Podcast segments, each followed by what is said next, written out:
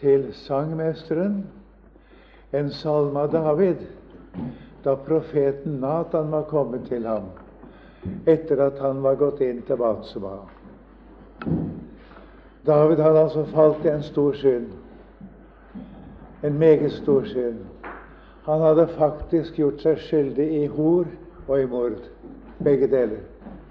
Han hadde fått plassert mannen til Batseba på en plass hvor han visste at han ville omkomme.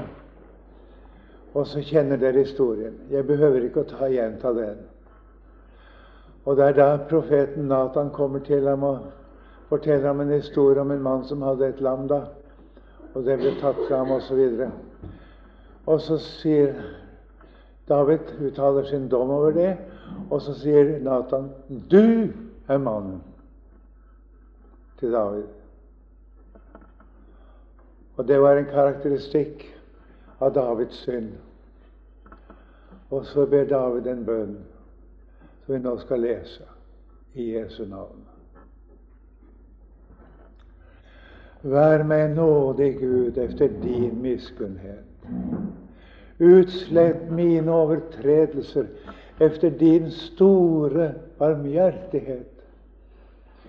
Tvett meg vel, så jeg blir fri for synd, fri for en misgjerning, og rens meg fra min synd. For mine overtredelser kjenner jeg, og min synd er alltid for meg. Mot deg alene har jeg syndet, og hva ondt er i dine øyne, har jeg gjort. For at du skal være rettferdig når du taler, være ren når du dømmer. Se, jeg er født i misgjerning, og min mor har unnfanget meg i synd. Se, du har lyst til sannhet i hjertets innerste. Så lær meg da visdom i hjertets dyp. Rens meg fra synd med isop, så jeg blir ren. Tvett meg, så jeg blir hvitere enn sne. La meg høre fryd og glede. La de ben fryde seg som du har sønderknust. Skjul ditt åsyn for mine synder, og utslett alle mine misgjerninger. Gud, skap i meg et rent hjerte, og forny en stadig ånd inni meg. Kast meg ikke bort fra ditt åsyn, og ta ikke din hellige ånd fra meg. Gi meg igjen din frelsesfryd, og opphold meg med en villig ånd. Så vil jeg lære overtredere dine veier, og syndere skal omvende seg til deg. Fri meg fra blodskyld, Gud, min frelses Gud. Så skal min tunge juble over din rettferdighet. Herre, opplat mine leper, så skal min munn kunngjøre din pris. For du har ikke lyst til slaktoffer, ellers vil jeg gi deg det. I brennoffer har du ikke behag. Offeret for Gud er en sønderbrutt ånd. Et sønderbrutt og sønderknust hjerte vil du, Gud, ikke forakte. Gjør vel imot Sion etter din nåde. Bygg Jerusalems murer. Da skal du ha behag i rettferdighetsofre, i brennoffer og heloffer. Da skal de ofre okser på ditt alter. Amen.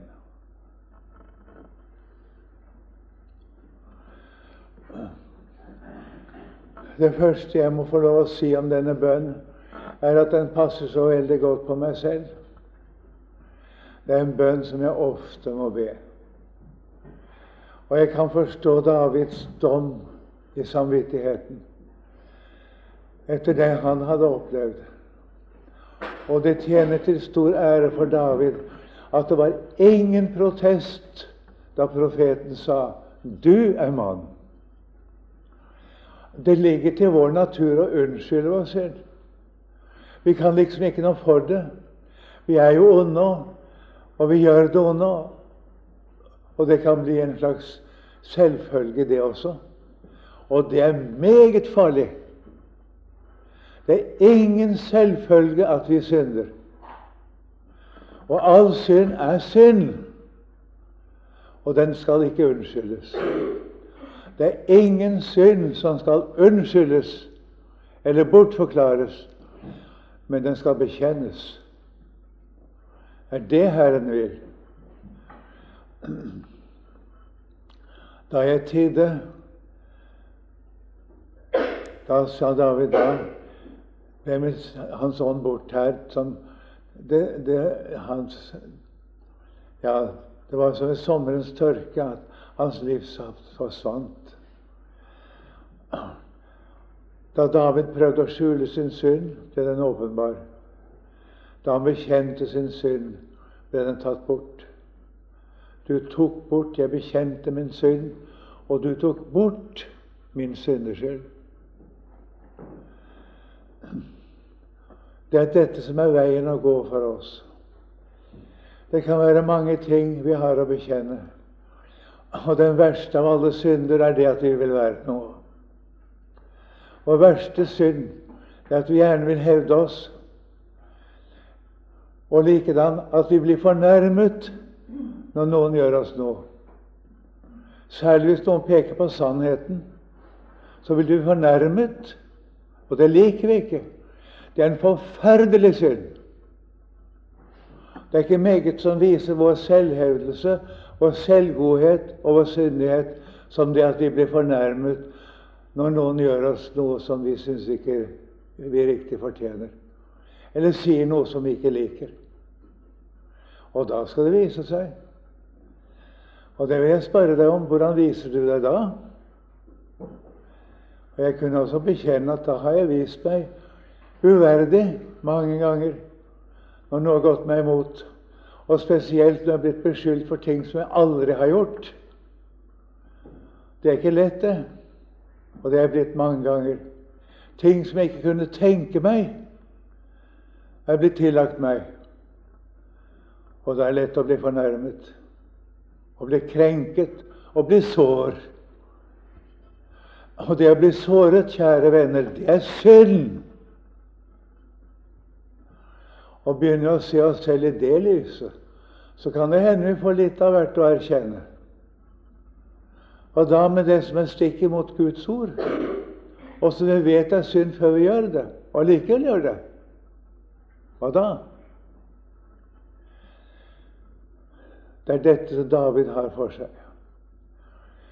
Jeg kan ikke gå igjennom alle detaljer i denne salmen, det er ikke tid til engang.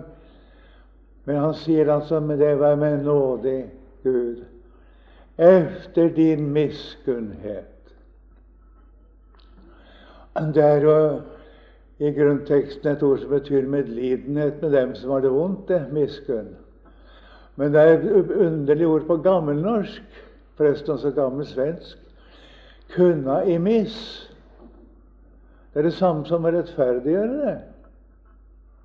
Å si noe annet enn det vi har fortjent, kunne oss se oss for noe annet enn det vi i virkeligheten er. Og det er det Gud gjør. Han ser oss slik som Jesus er. Han tilregner oss Jesus, og så fraregner han oss selv. Det er slik Gud ser på oss. Og det var det vi skulle se oss selv i det lys. Det er meget ondt i oss, og vi har en natur som er gudfiendtlig. Og Derfor er den ofte også menneskefiendtlig. Og folk som kunne trenge vår hjelp og vår miskunn, får ofte akkurat det motsatte. De kan ha det så godt når de er slik. Det er veldig synd. Vi har nok å bekjenne. Vi har nok å tale om Gud, med Gud om. Og jeg vil gjerne understreke det ordet av David der straks i begynnelsen. Utslett mine overtredelser, sier han. Overtredelse, hva er det for noe? Det er alt det vi gjør som vi vet er synd før vi gjør det, og gjør det likevel. Overtredelse at vi trer over Guds hellige lov. Og vi vet hvordan vi skal leve, og hvordan vi skal være i mange tilfeller. Og så gjør vi det stikk motsatte. Det var overtredelser. Og det var David var i den stilling nå, i høy grad. Utslett min overtredelse etter din store barmhjertighet. Han unnskylder seg ikke. Han påkaller ikke det at han i grunnen ikke ville det, eller noe sånt. Han bare sier det som det er, og påkaller Guds store barmhjertighet. Og den har vi enda mer kjennskap til enn David hadde. David så frem til ham som skulle komme, men for oss i dag er det fullbyrdet. Og Når vi taler om julen i dag, så skal vi ikke si som jeg har hørt i, andakter og noe som er juleprekener, skal være at Jesus ble født for å frelse oss. Han har gjort det for lenge siden. Vi er frelst. Guds sønn kom, og han gjorde det han skulle. Og det var våre gjerninger. Og det var å ta dommen over oss. Det var å gjøre oss fri. Det har han gjort. Du og jeg kan få lov å påkalle Guds barmhjertighet på den måten at vi påkaller Ham som døde i vårt sted, og som er blitt vår rettferdighet for Gud. Vi er så opptatt og jeg bare si det, det er så trist med den kirkelige gudstjenesten, med alle kollektbønnene der. Før i kollekten. Jeg kan huske det særlig før 1920. Jeg kan huske den liturgien. Jeg kunne den utenat. Jeg. jeg lærte den utenat før jeg var 12 år gammel, den gamle liturgien. Men 1920 var jeg jo 15 år. Da Da kom jo den første forandring av liturgien. Og den var straks en forverring. Men så har det kommet flere nye. Og jeg har fått en ny liturgi som ikke er så gammel, som kom for noen år siden. Den er forferdelig, syns jeg. Og der er kollektene blitt til det at Herre, du må hjelpe oss. Hjelpe oss å ta vare på naturen. Hjelpe oss å ikke forurense. Hjelpe oss med ditt og hjelpe oss med datt. Og hjelpe oss å være som vi skal. Det er ikke noen bønn, det. Det er en fornektelse av det gamle mennesket, det, å si sånt.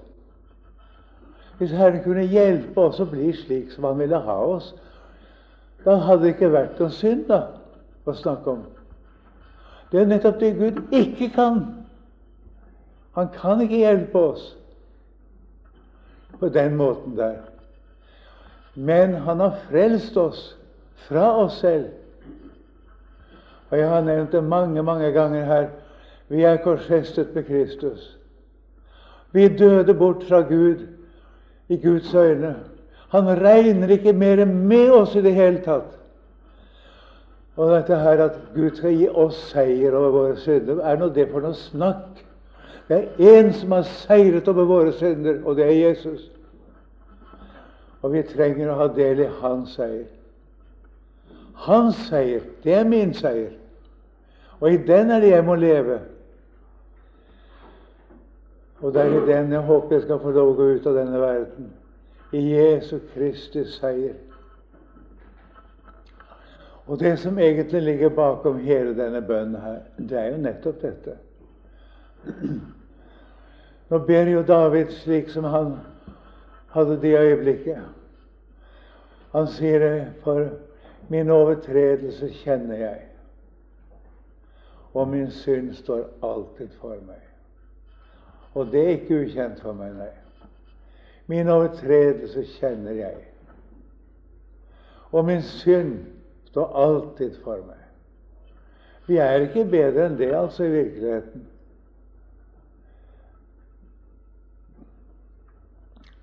Og så mot deg alene, sier han, har jeg syndet. All vår synd er mot Gud. Også når vi gjør urett mot hverandre. Det er, synd, det er Gud vi har syndet mot. Det er Jesus som måtte bære den synd. Det var han som måtte gjøre opp for den, også når vi er mot, annerledes mot hverandre enn vi skulle være. Det kan jo i høy grad sies at en synd David gjorde, det var en synd mot mennesker.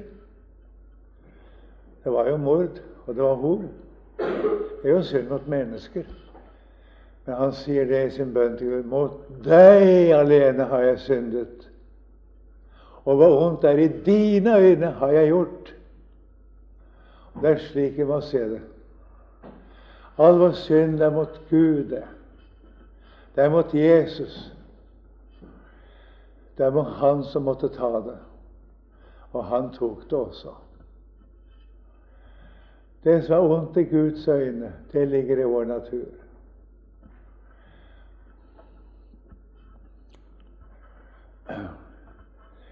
Se, jeg er født i misgjerning, og min mor har unnfanget meg i synd. Det betyr at fra første begynnelse har synden hersket over meg. Slik er menneskeheten blitt etter at den er kommet inn i verden. Og dette ordet må ikke misforstås. Det betyr ikke det at å leve et seksualliv at det skulle være synd i og for seg. Det er vi skapt til. Men det betyr at det som overføres til oss allerede i unnfangelsen, det er en syndig natur. Det er det ordet mener. Den natur sitter i oss, og den natur må vi frelses ifra. Se, du har lyst til sannhet i hjertets innerste. Det er der det gjelder å være sann. Det er der det gjelder å ikke unnskylde noe, ikke bortforklare noe. Du har lyst til sannhet i hjertets innerste. Så lær meg da visdom i hjertets dyp. Hva menes det egentlig med visdom? Vi har noen eksempler på det i Guds ord. Du vet at det er en av nådegavene, det. Å få visdom i hjertet. Det er en nådegave som heter det å være visdom. En har fått en nådegave. Og vi har noen eksempler på den nådegaven i Det nye testamentet. Vi kan jo si f.eks. om hebreerbrevet. Hele hebreerbrevet er den eneste sammenhengende visdomstale. Derfor er det også så vanskelig å oversette. Det er et språk i hebreerbrevet som vi neppe kan virkelig gjengi helt på norsk. Men det er ikke så verst oversatt allikevel. Og så har vi jo et, et kapittel som dere kjenner jo, f.eks. første Korinterbrev, eller Efeserbrevets første kapittel. Er visdomstale. At Gud har utvalgt oss i Kristus fra før verdens grunnlov ble lagt. Det er visdomstale, osv. Les disse kapitlene og se hva visdomstale er. Og det er den vi skal få i hjertets dyp. Den skal bli det vårt innerste vesen, den, den talen. Det er det Herren vil gi oss, og det har vi rett til å be om. Og Derfor ber vi denne bønnen som David ber. Lær meg da visdom i hjertets dyp. Så forstår du hva det er om å gjøre da for David. Rens meg fra synd med is, og så jeg blir ren, sier han. Og tvett meg så jeg blir hvitere enn sne. Det som David gjør der, er jo i virkeligheten å anvende på seg selv et ord som Gud sier han vil gjøre. Og med gjerne, og med det synder er som purpur, skal de bli som ull. Det, som det, og om den er som skarlagen, så skal den bli som den hvite sne. Det er løfter i Skriften om slike ting. Gud har talt om det flere ganger. Vi kan bli hvitere enn snø. Så David anvender jo en bønn på seg selv der. Et Guds ord på seg selv. Og så kommer dette 'la meg få høre fryd og glede'. Altså la meg få lov å høre litt om hva det er du, Herre, har gjort, hva det er du kan gi og vil gi. Og la de ben fryde seg som du har sønneknust. Selv var det aldeles forbi med ham. Han gir altså uttrykk for det mange andre steder, ikke bare her i denne salmen. Jeg er elendig og fattig, sier han. Da har vi ordlydende to vers i Salme 31 og Salme 71 som er ordlydende like. Elendig og fattig. Herrene tenker på meg. Skynd deg å hjelpe meg. Dryg ikke. Skynd deg å hjelpe meg, sier han. Og jeg, jeg er elendig og fattig. Og det kan da i sannhet sies om meg at jeg er det. Det vet jeg. I meg selv. Men jeg har en glede. Og det var den vi hørte om her til å begynne med. Det er en glede som Gud selv forkynner med det. Se, jeg forkynner dere en stor glede, og den er for alt folket. Den nye bibeleoversettelsen som nå nylig kommet, så står det For dere er i dag med Messias, en frelser født som er Messias, Herren i Davids dag for å understreke det at den Kristus, som er Jesus, som er Kristus, det er Han hele Det gamle testamentet taler om. Det er Han som er innholdet i Det gamle testamentet, som ble født og lagt i en krybbe. Det var det vi sang om nå i julesalmen.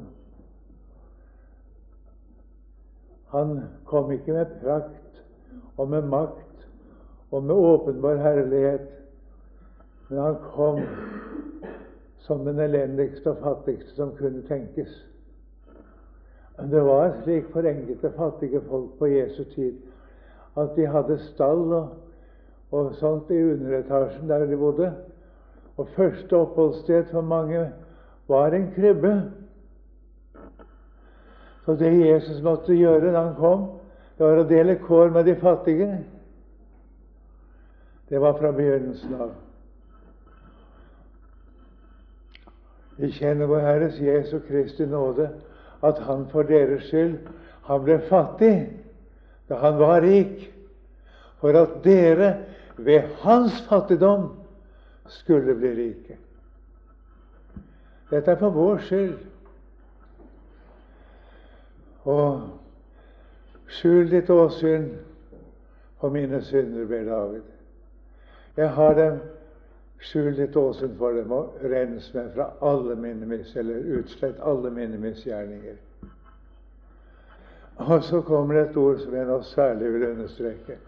En Gud, skap i meg et rent hjerte. Et rent hjerte betyr ikke syndfritt hjerte i bibelsk språkbruk, men det betyr et hjerte som tilhører Gud.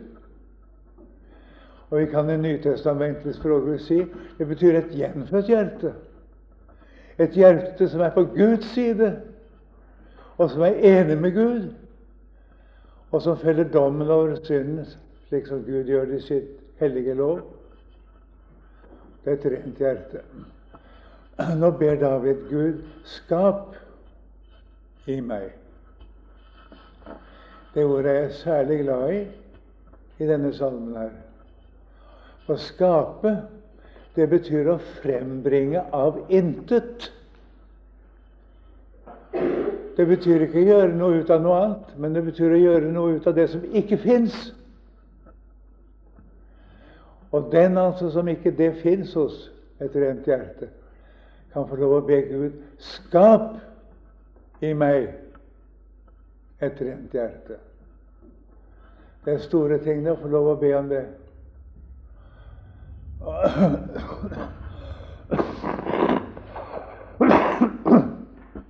Og ta ikke Din Hellige Ånd fra meg. Det hadde jo David fortjent. Han hadde fortjent at Den hellige ånd hadde blitt tatt fra ham. Men han ber om at det ikke må skje. Han ber om at Gud må skape det som har vist seg var ikke der da han falt i synd. Da var det noe annet som hadde makten over ham. Så ber han Gud skap i meg et rent hjerte og forny en stadig ånd inni meg. Det er jo noe som ligger til vår natur å være ustadige.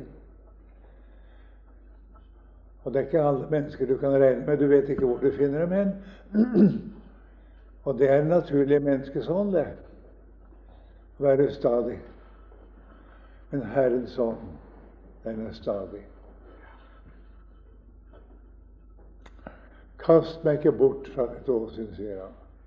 Han har fortjent det. Ta ikke Din hellige ånd fra meg. Og det er jo gripende å høre David be slik. Og Herren hører slike bønner.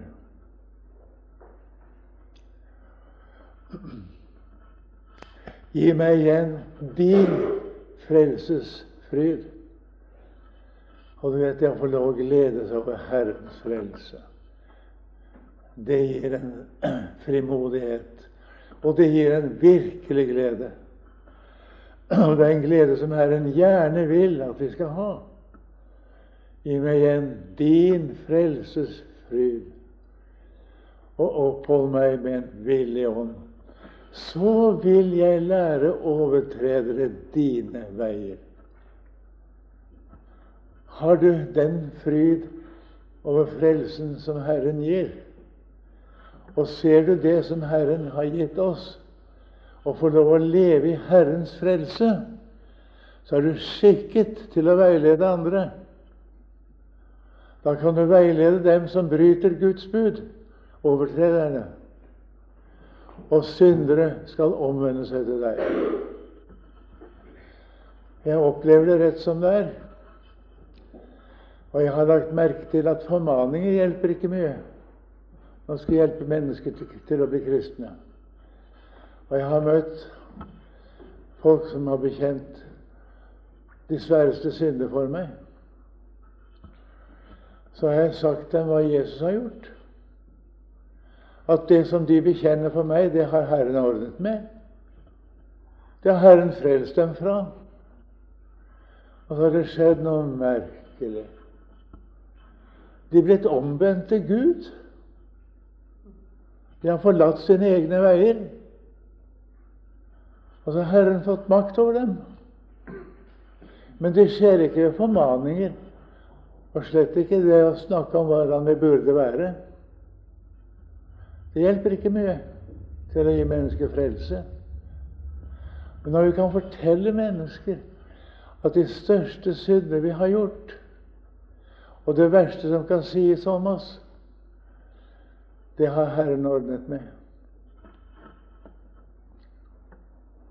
Det er bare én ting som er virkelig farlig i denne verden, og det er å ikke tro på Jesus.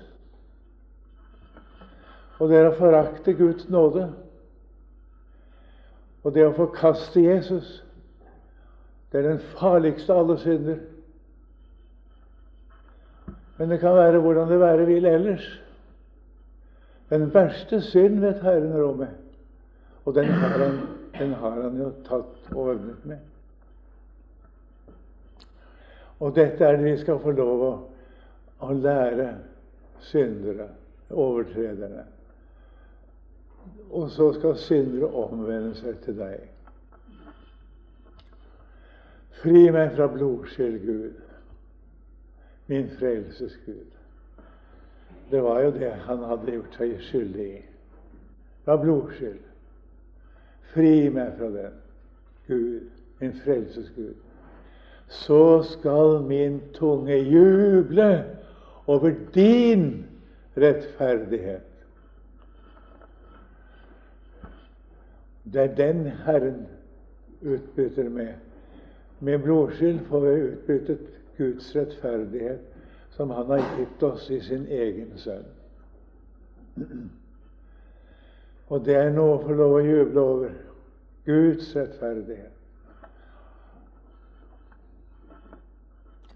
Det fremgår av Romerbrevets tredje kapittel at det var denne rettferdighet Jesus skaffet oss da han døde på korset. Han skaffet oss den rettferdighet som loven krever av oss.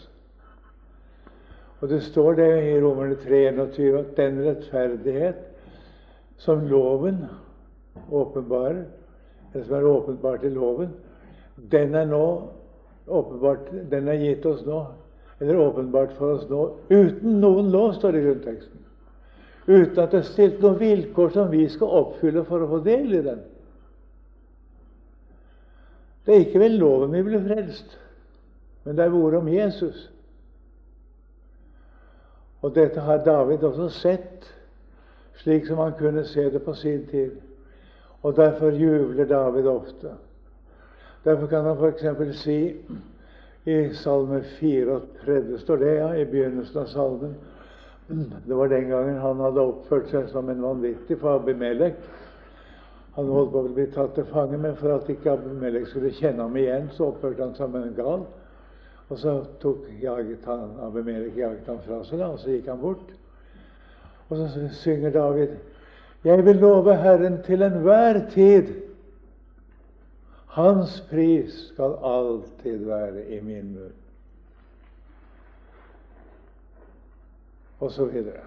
Du kan se det selv i Salme 34. Og der den tiden jeg har tenkt å bruke her, den er gått, den nå. Nå har jeg nok sagt det viktigste av det jeg skulle si. Og så kan dere lese salmen hundre ganger til å begynne med selv, så kan dere kanskje huske litt av det nå. Og når jeg sier det, les den hundre ganger, så sier jeg ikke noen spøk. Når jeg sier det jeg virkelig mener. Les den, og les den, og les den.